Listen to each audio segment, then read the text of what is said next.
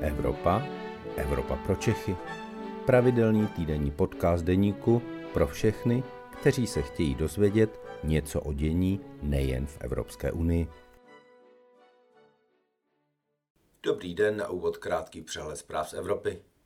Evropský prezident Charles Michel dal přednost europoslaneckému mandátu před dokončením svého pětiletého působení v čele Evropské rady. Unijní státy musí vyřešit problém do července, jinak se zastupujícím evropským prezidentem stane maďarský premiér Viktor Orbán. Slovensko bude pro změnu v březnu volit nového prezidenta. Tam zase hodlá předseda parlamentu Peter Pellegrini vyměnit tento post za prezidentské křeslo. Uvidí se, co na to slovenští voliči. Mezi Ukrajinou a Ruskem se boj přenesl do vzduchu. Na několik úspěšných ukrajinských zásahů ruského území reaguje Moskva po každé brutální odvetou. Ukrajincům se však stále daří většinu ruských raket sestřelit.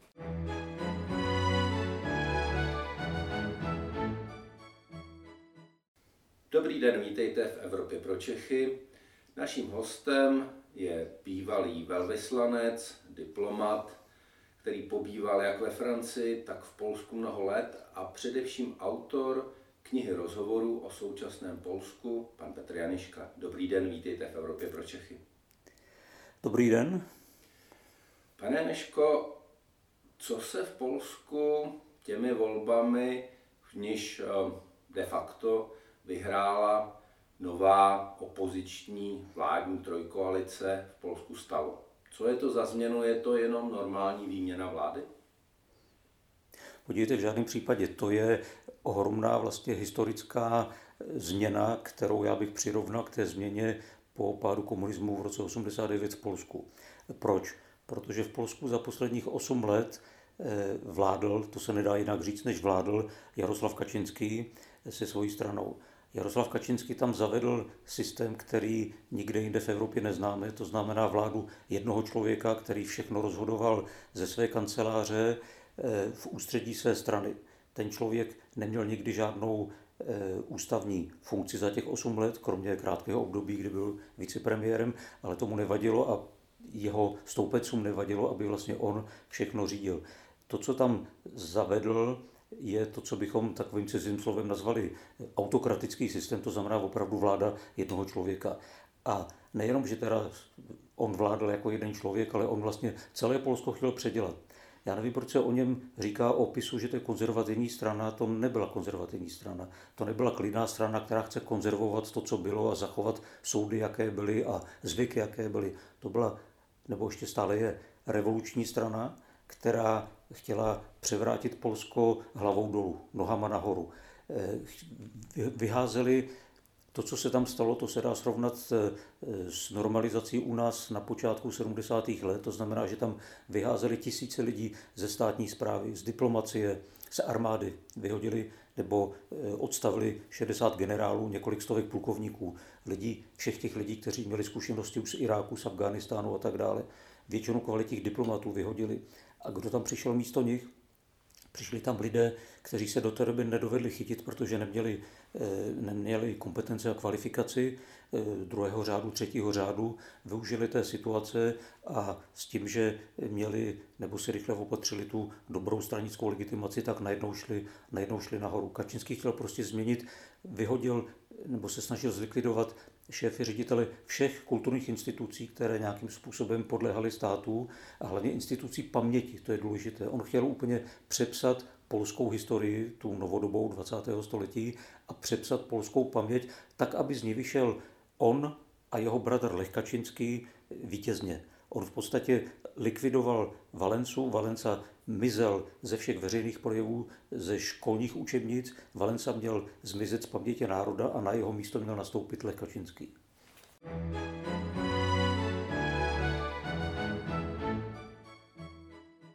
Petře, vaší knížce Polsko Vejpůl máte rozhovory s klíčovými osobami Polska, máte tam Lecha Valencu, máte tam Agnieszku Holland, Eh, máte tam Adama Michníka, eh, známého šéf-reaktora gazety Vyborči.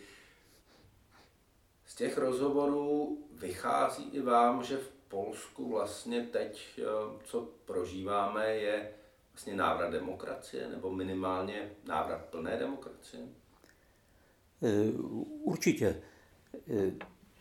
Eh, určitě, nebo bych řekl takhle, jsme teprve na začátku té nové změny, takže uvidíme, jak to celý bude vypadat. Ale je to rozhodně zastavení strašně nebezpečného a nezdravého vývoje, který to Polsko za posledních 8 let prošlo. A to je veliká věc. Mimochodem, to se netýká jenom Polska, ale vůbec celé Evropy, protože v poslední době v Evropě a vlastně všude v tom západním světě eh, to začíná vypadat, jako by všude vítězili eh, demagogičtí populisté, eh, Trump, teďka Fico, hm, že Orbán už delší dobu a tak dále a nedávno třeba volby ve Švédsku. Eh, začínalo to vypadat, jako by tady byl prostě nějaká historická vlna, s kterou se nedá nic dělat, že populisti jdou nahoru. A najednou přijde tohle Polsko, které ukáže, že to vůbec tak není automatické a že se tahle ta vlna dá zlomit. A co je fantastický přece je to, že pro tu eh, dnešní vítěznou koalici vládní hlasovalo se 11,5 milionu lidí a pro eh, Kačinského 7,5. To znamená, to je ohromný rozdíl.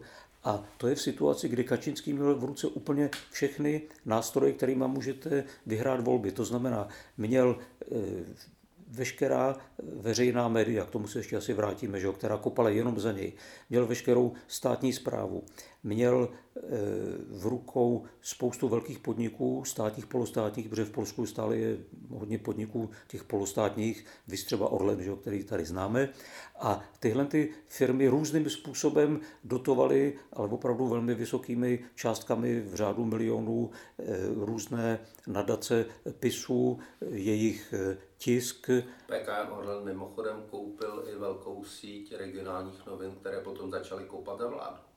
Ano, ano, což je úplně absurdní, že proč firma, která se má zabývat eh, rafinováním a, a, a prodejem benzínu, tak najednou koupí noviny. Koupili noviny, v zápětí vyměnili samozřejmě šéf redaktory a tak dále. Takže Kačínský měl v ruce úplně všechno. A nezapomeňme teda na roli katolické církve, protože v Polsku je naprostá symbioza mezi katolickou hierarchií, já neříkám mezi každým katolikem, ale katolickou hierarchií a e, kačinského pisem.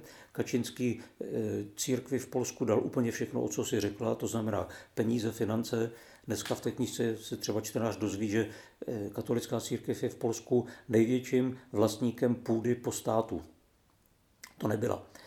Eh, dostali katolická církev tam že svoji televizi, svoje rádio Maria, eh, ty dostávají strašné dotace, plus teda eh, dovolili církvi, že ve všech školách, i ve státních, samozřejmě v soukromých církevních to je jasné, ale ve všech státních školách je katechismus, to byly dvě hodiny týdně a v podstatě povinný.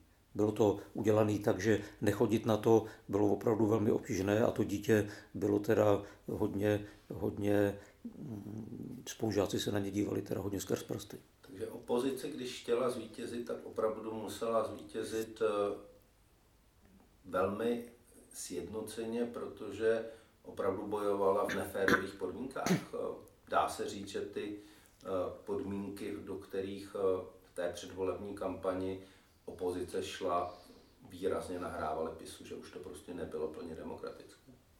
V Polsku eh, proběhly dvoje volby, v kterých vždycky vyhrál Kačinský, Kačinského pis. Pozor, je to trošku optický klam, protože on nikdy nedostal většinu hlasů. Ani v těch volbách před osmi lety, ani před čtyřmi. Ale protože tam je určitý systém aritmetiky přepočtu hlasů na mandáty v parlamentu, tak jemu se podařilo, že měl vždycky malou většinu. Ehm, z těch posledních po těch volbách před čtyřmi lety měl většinu asi pěti poslanců. Nicméně on se choval tak, že tomu dává stoprocentní vládu v zemi. Ehm, on za celou dobu nevzal v potaz třeba jediný pozměňovací návrh, který by přišel od opozice O, s opozicí se vůbec nebavil, o opozici mluvil jenom, že to jsou lidé druhé sorty, že to jsou nepřátelé státu, nepřátelé vlasti, že to nejsou pořádní katolíci a tak dále. Takže on tam vládl a svět měl dojem, že Kačinský má většinu, on ji vlastně neměl na počet hlasů, ale měl ji v tom parlamentě a tomu stačilo, aby si teda obsadil eh, veškeré významné posty ve státě. A teďka v těchto volbách eh, to vypadalo, v těchto volbách, to znamená v říjnu tohoto, to znamená v říjnu hm, předchozího roku, to vypadalo tak, že ten PIS to vyhraje na celé čáře. Protože, jak jsme si řekli, ten kontext byl takový, že v podstatě se zdálo, že už tato opozice nemůže vyhrát. To je něco jako dneska jako v Maďarsku. Dneska si nikdo nedovede představit, jak by opozice mohla vyhrát v Maďarsku. Ale došlo tam fantastické věci z hlediska teda dosavadní opozice, že Donald Tusk se ukázal jako opravdu výjimečně talentovaný politik a výjimečně pracovitý. Ten člověk prostě objížděl celou zemi, neustále burcoval, mluvil s lidmi, eh, měl velmi chytré nápady, chytré návrhy. To je myslím velmi důležité. Myslím si, že prostě musíme říct, že ty volby vyhrál Tusk. Nebýt jeho, tak to opozice nevyhrála. Takže bylo to tak, že ten jeho návrat zpět z pozice evropského prezidenta, předsedy Evropské rady do Polska byl tím zásadním momentem, Určitě. který najednou vytvořil tomu neporazitelnému v úzovkách Jaroslavu Kačinskému prostě soupeře, který ho porazil. Určitě.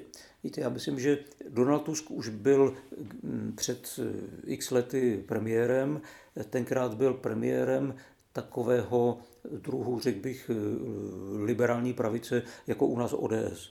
To byla ODS, eh, dejme tomu v takové trošku kultivovanější formě.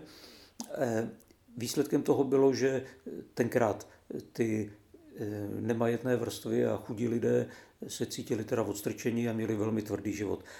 Díky tomu, že tyhle lidi zmanipuloval Kačinský, tak se mu tenkrát podařilo vyhrát volby. Když se tu zvrátil z Bruselu, tak si myslím, že se vrátil jako podstatně jiný člověk. Jo? On v tom Bruselu eh, se stal Evropanem a myslím si, že pochopil, co to je politika, co je důležité a co je dneska v Evropě důležité. Takže dneska je to člověk, který je daleko víc sociálně vnímavý, vnímá potřeby žen, vnímá potřeby mládeže a to jsou ty dvě skupiny, které v těchto těch volbách zřejmě hodně rozhodly o tom výsledku, protože jednak tam byla velmi vysoká účast, nebývalá v Polsku přes 70%, ale hlavně se zúčastnila mladá generace a ženy. A zúčastnili se ty ženy, které měly už plné zuby toho eh, katolického rigorismu, eh, toho, že v Polsku vlastně nejenom, že už x let jsou naprosto zakázány interrupce, ale vlastně byly zakázány i v těch nejkrajnějších případech, kdy žena měla odrodit vlastně mrtvé dítě, tak prostě nemohla potratit. Eh, co je důležité na tom vítězství té bývalé opozice, čili dnešní vládní koalice, myslím je to, že těch 8 let se ti Poláci, kteří, já jim říkám svobody milovní, nebo chcete-li liberální, že se nevzdali. Že stále demonstrovali, stále manifestovali, stále bránili e, ústavu. Bylo tam spousta soudců, kteří e, se stali vlastně aktivisty, kteří chodili ven do ulic, kteří jezdili na rokové festivaly a debatovali tam ve stanech s mládeží, vysvětlovali, co se vlastně v Polsku děje, jak ten Kačinský ty soudy ničí, jak ničí teda soudní nezávislost a v čem je důležitá pro život každého obyčejného Poláka. Tohle je, myslím, strašně důležité, že to byly takové maličké eh, potůčky, nejdřív potůčky, pak asi potoky, které zdánlivě v té chvíli, kdy se ukázali, tak vypadali, že nemají šanci. Jo? To byly prostě pár stovek lidí.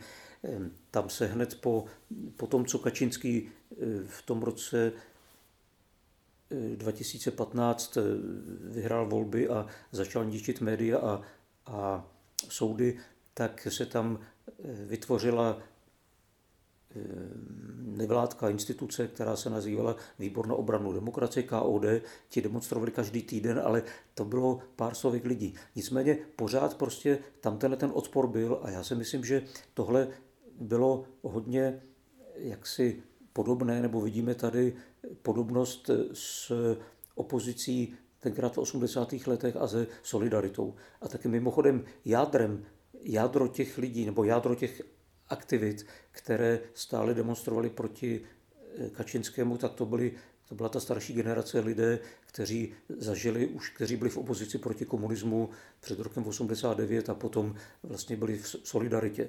Když se podíváme na ta velká jména solidarity, tak tam až na jedno, dvě, tři možná všichni byli proti Kačinskému. Eh, Frasiňuk, Buják, samozřejmě Lech Valensa. Lech Valensa celou dobu byl velmi kritický proti Kačinskému za těch 8 let.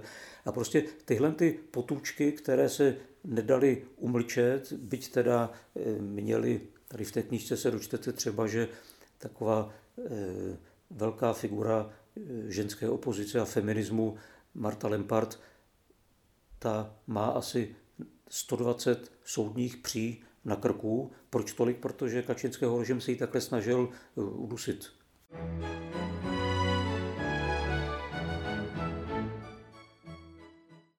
Teď jsme ve fázi, že máme novou vládu, která se snaží tu zemi vrátit do normálního stavu. A vidíme tady tvrdý souboj o ta média, s níž eh, Kačinského eh, vlády udělaly média státní nebo dokonce stranická. Eh, lze se na to dívat optikou českou, nebo je potřeba k tomu přistupovat tak, že je to prostě rok 1990 v Polsku trochu jiné?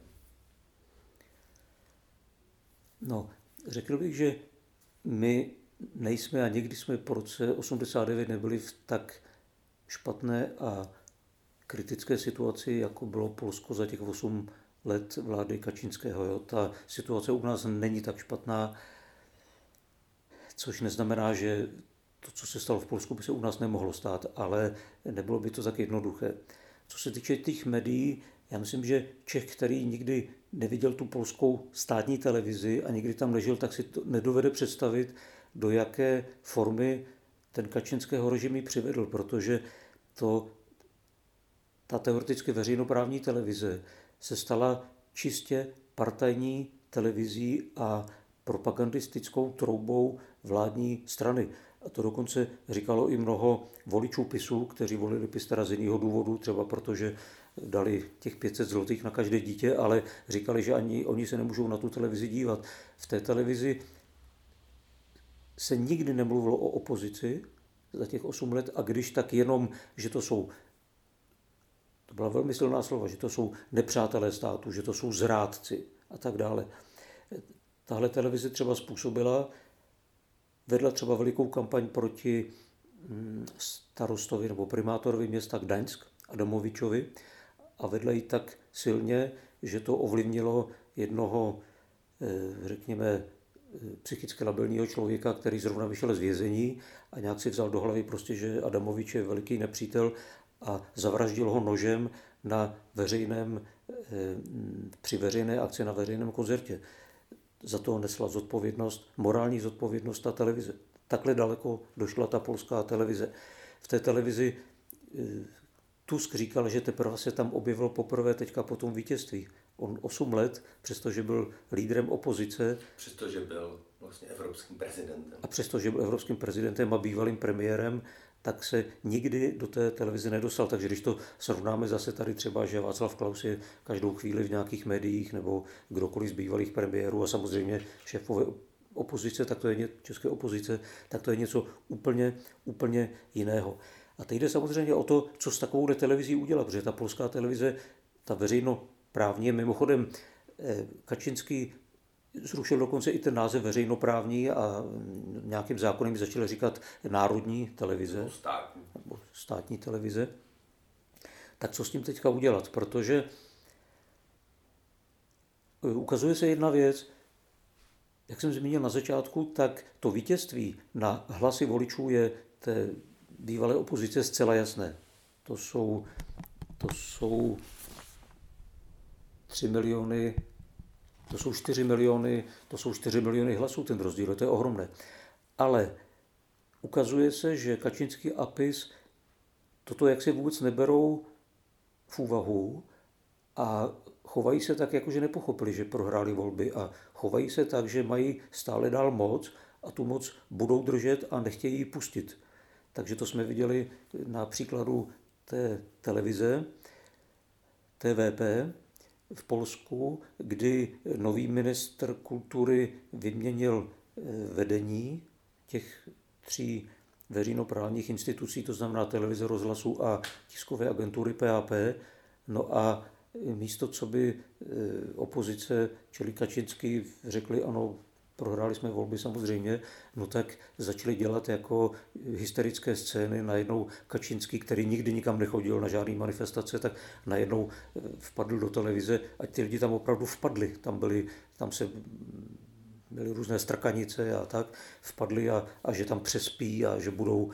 Najednou tito lidé objevují taková slova, jako že svoboda slova, jakože je třeba dodržovat ústavu. To je úplně, to je úplně směšný, to je jako když zloděj křičí pozor, chyťte zloděje, tak najednou tito lidé, kteří eh, pošlapávali ústavu, kteří možná ještě budou za to souzeni před státním tribunálem, kteří eh, pošlapávali zákony, tak najednou se tváří, že oni teď budou bránit ústavu. A Na co druhou je... stranu je tady ale slib eh, nového premiéra, nové vlády, že to nemá být nějaké převrácení toho, co to bylo doteď, ale že cílem je vybudovat opravdu veřejnoprávní média v Polsku, která budou médii té veřejné služby. To je ale běh na dlouhou trať. No to je běh na dlouhou trať. Eh, co musí udělat Tusková vláda teď je eh, propustit ty lidi, kteří tam dělali tu stranickou propagandu, protože to nebyli novináři. To nebyli novináři. To byli prostě propagandisté. A mimochodem, teď se ukázalo, že za tu svoji propagandu teda brali šílené peníze. Každý z těch televizních moderátorů, hlasatelů, kteří o Tuskovi mluvili, že to je nepřítel státu a zrádce a v podstatě, že by měl být nějakým způsobem zlikvidován, hráli velmi antiněmeckou strunu, to je specifikum Kačinského v Polsku, jo, stále strašit německém Němci, tak brali milionové platy. To bylo v milionech. Takže českých si... korun. Nebo zlotých. Zlotých. Takže krát šest v českých korunách. Ještě. Ano, ano.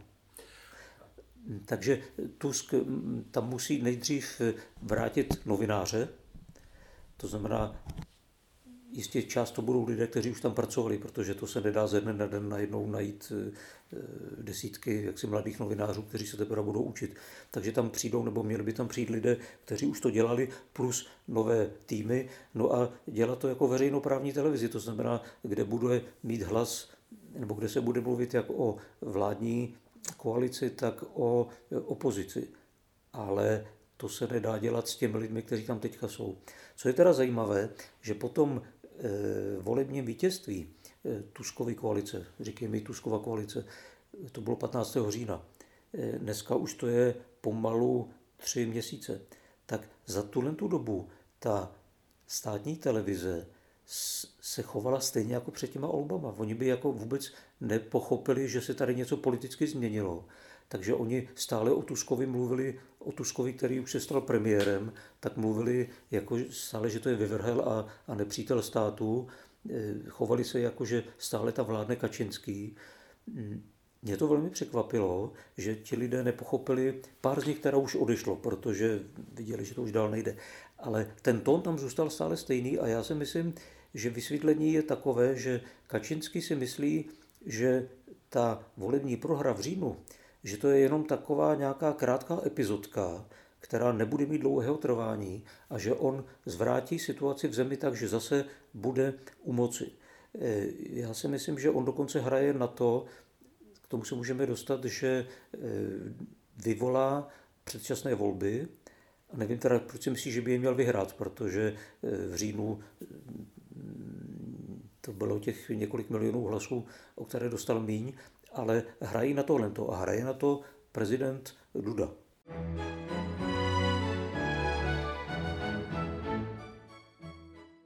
To je velmi důležitá věc, kterou je potřeba si v Polsku uvědomit, že prezident je tam velmi silnou postavou. Prezident Duda je navíc eh, prezident, který vyšel z práva spravedlnosti a v těch minulých letech až na nějaké drobné výjimky v podstatě sledoval tu politiku vlád Jaroslava Kačinského. Ehm, může on být překážkou pro tu novou vládu, aby změnila ten kurz Polska k té plné demokracii? Ano, dneska se ukazuje jasně, že prezident Duda bude hrát stoprocentně hru strany PIS a Jaroslava Kačinského. On ji hrál vždycky. Nakonec Kačinský ho tenkrát vůbec vymyslel a, a udělal mu kampaně, byl zvolen do té doby Dudu, vůbec nikdo neznal. To byla taková figurka a stále se teda choval jako člověk, kterému pokyny dává Kačinský. On se nechoval jako prezident státu, ale jako, jako politik, který e, naslouchá pokynu Kačinského. A to se ukazuje teda, že tuhle politiku hraje dál. Mnoho lidí si myslelo asi trošku naivně hned po těch volbách v říjnu, že on teďka jaksi najde svoji takovou jako státnickou tvář a bude se snažit nakonec dělat to, co by měl dělat, protože podle ústavy, že prezident je prezidentem všech a měl by tedy nějakým způsobem ty Poláky spojovat a sjednocovat. Není tomu tak.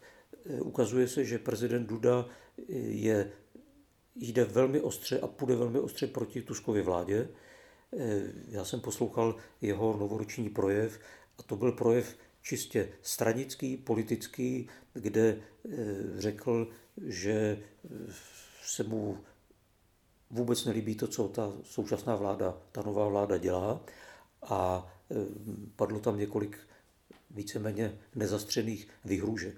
To mimochodem, když se srovnalo s novoročním projevem Tuskovým, tak to byly nebe a dudy, nebo řekněme nebe a duda, nebo Tusk a duda tak eh, Tusk mluvil o, eh, ten tam měl samá pozitivní slova o tom, že je třeba sjednotit národ a, a nalézt společnou řeč mezi Poláky a přinést novou naději. Prostě opravdu takový projev, jak by si člověk představoval. A vede toho, ten Dudův, to byl opravdu velmi temný projev člověka, který říká, helejte, já budu tady vám škodit, jak jenom to půjde. Jo?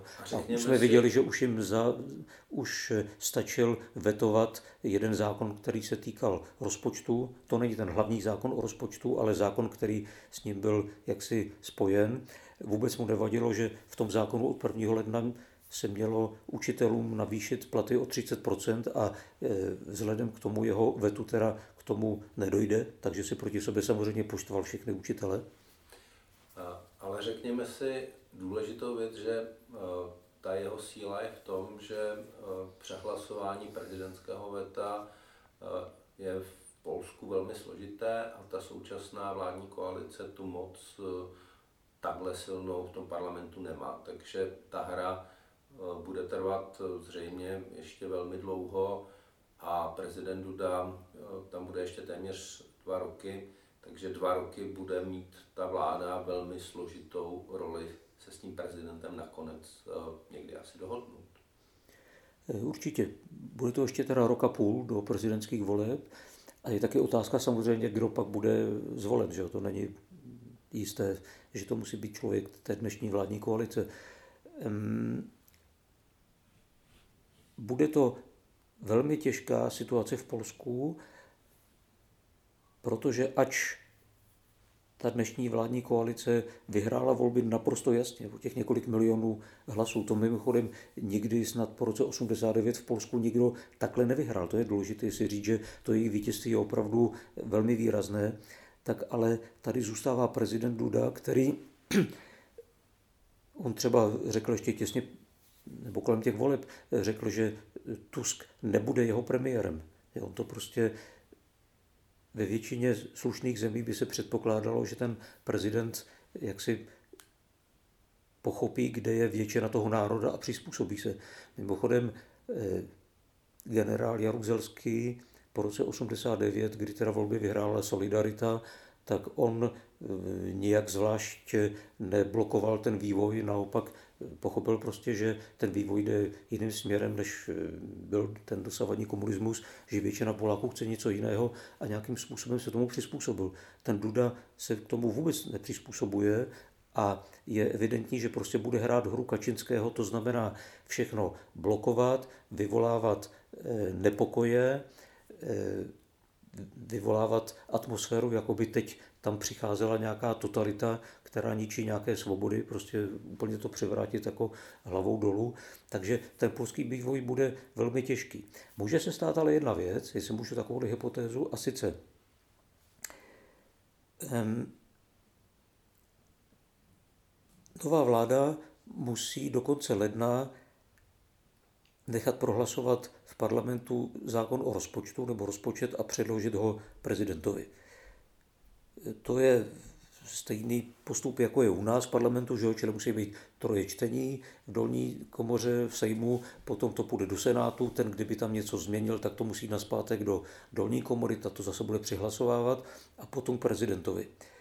Na to máme teda necelý, nebo na to má Polsko necelý měsíc. To je velmi, velmi mm, šibeniční termín. Proč je tak krátký? A teď chápeme, proč eh, přestože volby byly 15. října, tak prezident Duda dělal všechno pro to, aby to předání nebo konstituce nové vlády přišly až co nejpozději. Vždycky to držel do úplně posledního dne, kdy mohl, kdy mu to ústava povolovala, takže ta nová vláda má velmi málo času. Tak, kdyby té vládě se to nepodařilo do konce ledna, tak polská ústava dává prezidentovi právo rozpustit parlament a vyhlásit nové volby. A podle eh, části polských komentátorů, které teda sleduju, tak oni říkají, že vůbec není vyloučeno, že by přišla tahle varianta. To znamená, že by prostě vyvolali nové volby. Ovšem představa Dudova a Kačenského, že by ty volby museli vyhrát, jak si nevím, z čeho tak usuzují, protože ty poslední prohráli velmi výrazně a prohráli je minulý říjen. To znamená, že za tu dobu, že by se měla změnit situace, je těžko pravděpodobné. Navíc, navíc ty volby by musely přijít někdy v březnu, takže do té doby už nové vládě by se podařilo teda navýšit platy jak státní sféře, jak slibuje Tusk, tak učitelům nějakým způsobem zmírnit zákaz interrupcí a tak dále, čili tam už by došlo do celé řadě velmi pozitivních změn, které by Polákům se líbily. Takže by se mohla stát paradoxní věc, že by ta dnešní vláda mohla ty volby vyhrát ještě výrazněji a tak, aby jim to stačilo mít tu eh, kvalifikovanou většinu v Sejmu, aby mohli přihlasovat veto prezidentovo. Jo? To by v podstatě bylo pro současnou koalici jenom vítaným krokem a potom by se teda situace úplně změnila.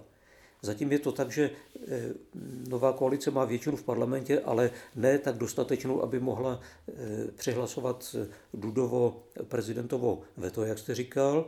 Eh, a tam ten prezident teda dneska se ukazuje, že je klíčovou figurou PISu. PIS má dneska v podstatě dvě věci. Ještě tu státní televizi, která teda, kterou pomalu ztrácí a samozřejmě ji ztratí, a toho prezidenta.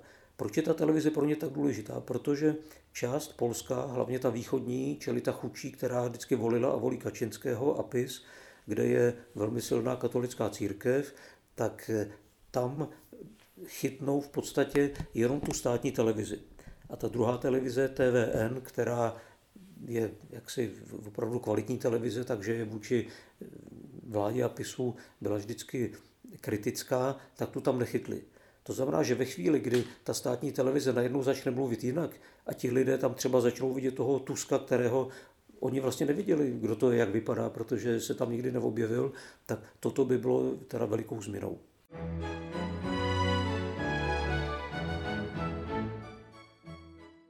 Pojďme na závěr trochu um, optimisticky. Je přece jenom mezi prezidentem Dudou, vládou a dokonce PISem něco, na čem se shodnou, a to je podpora Ukrajiny. Dá se říct, že ta polská podpora Ukrajiny bude pokračovat a dá se spolehnout na to, že Polsko bude dál tím sloupem uh, západu, který Ukrajinu podporuje takže dokáže té ruské agresi čelit. Rozhodně ta nová vláda Tusková bude velmi výrazně podporovat Ukrajinu. Já bych neřekl, že dál, protože si myslím, že bude podporovat daleko víc než Kačenského o jinak. Víme, že na konci vlády Kačinského přece polská vláda úplně otočila, najednou začali kritizovat Ukrajinu, premiér Moravěcky řekl, že už nebudou dál dodávat zbraně, najednou vyvolali konflikt s Ukrajinou kvůli ukrajinskému obilí, najednou to vypadalo, prezident Duda se odmítl v OSN setkat s prezidentem Zelenským. Prezident Duda eh, oficiálně prohlásil, že Zelenský by měl přestat urážet polský národ a že on bude bránit, nebo to byl premiér Moravěcký, to řekl, pardon. Prostě najednou se tady objevila celá řada takových výroků a kroků, že si člověk říkal, to je snad úplně jiné Polsko, než to, které ze začátku podporovalo Ukrajinu. Takže Tusk ji určitě bude podporovat, ale co je ještě strašně důležité, že Polsko bylo v rámci Evropské unie černou ovcí. Eh, vzhledem k tomu, že několik let vedlo boj na všech možných úrovních eh, a ostarkizovalo a blokovalo všelijaká, všelijaké kroky eh, zbývajících 26 států Evropské unie, tak nejenom v Bruselu, ale i mezi premiéry a politickými špičkami západní Evropy vlastně Polsko přestalo mít jakýkoliv, jakoukoliv váhu, jakýkoliv hlas. To se teďka s Tuskem mění, protože Tusk zná ty lidi v západní Evropě osobně, že má na ně osobní telefony, plus se ví prostě, že Tusk je velmi proevropský, to znamená, že jeho hlas bude teďka slyšet daleko víc v té západní Evropě. A já si troufám eh, říci nebo předpokládat, že Tusk bude, jestliže Tusk bude tím hlasem, který bude tlačit západní Evropu, Němce a Francouze a další, aby eh, posílali víc zbraní a víc podporovali Ukrajinu, tak ta Evropa na to bude slyšet úplně jinak, než když to tenkrát říkal třeba Moravěcký, premiér Moravěcký, protože toho nikdo nebral vážně a navíc premiér Moravěcký se vědělo, že říká něco Bruselu, úplně něco jiného doma, takže mnoho politiků si myslelo velmi jednoduše, že lže. Děkuji moc krát za rozhovor, přeju všechno dobré do nového roku a pokud se chcete dozvědět něco víc o Polsku, kupte si knihu Polsko půl Petra Janešky. Díky moc. Děkuji taky za rozhovor a jestli můžu jenom, ta knížka to je zatím jediná první knížka o současném Polsku, takže pokud se někdo o Polsko zajímá, tak tam najde opravdu odpovědi na všechny ty otázky, o kterých jsme se dneska bavili, protože to jsou svědectví z první ruky lidí, kteří tam žijí a kteří to znají. Ještě jednou díky moc a díky za účast v Evropě pro Čechy. To byl podcast Evropa pro Čechy. Příští díl poslouchejte opět ve středu ve 12 hodin. Naslyšenou se s vámi těší váš Luboš Palata.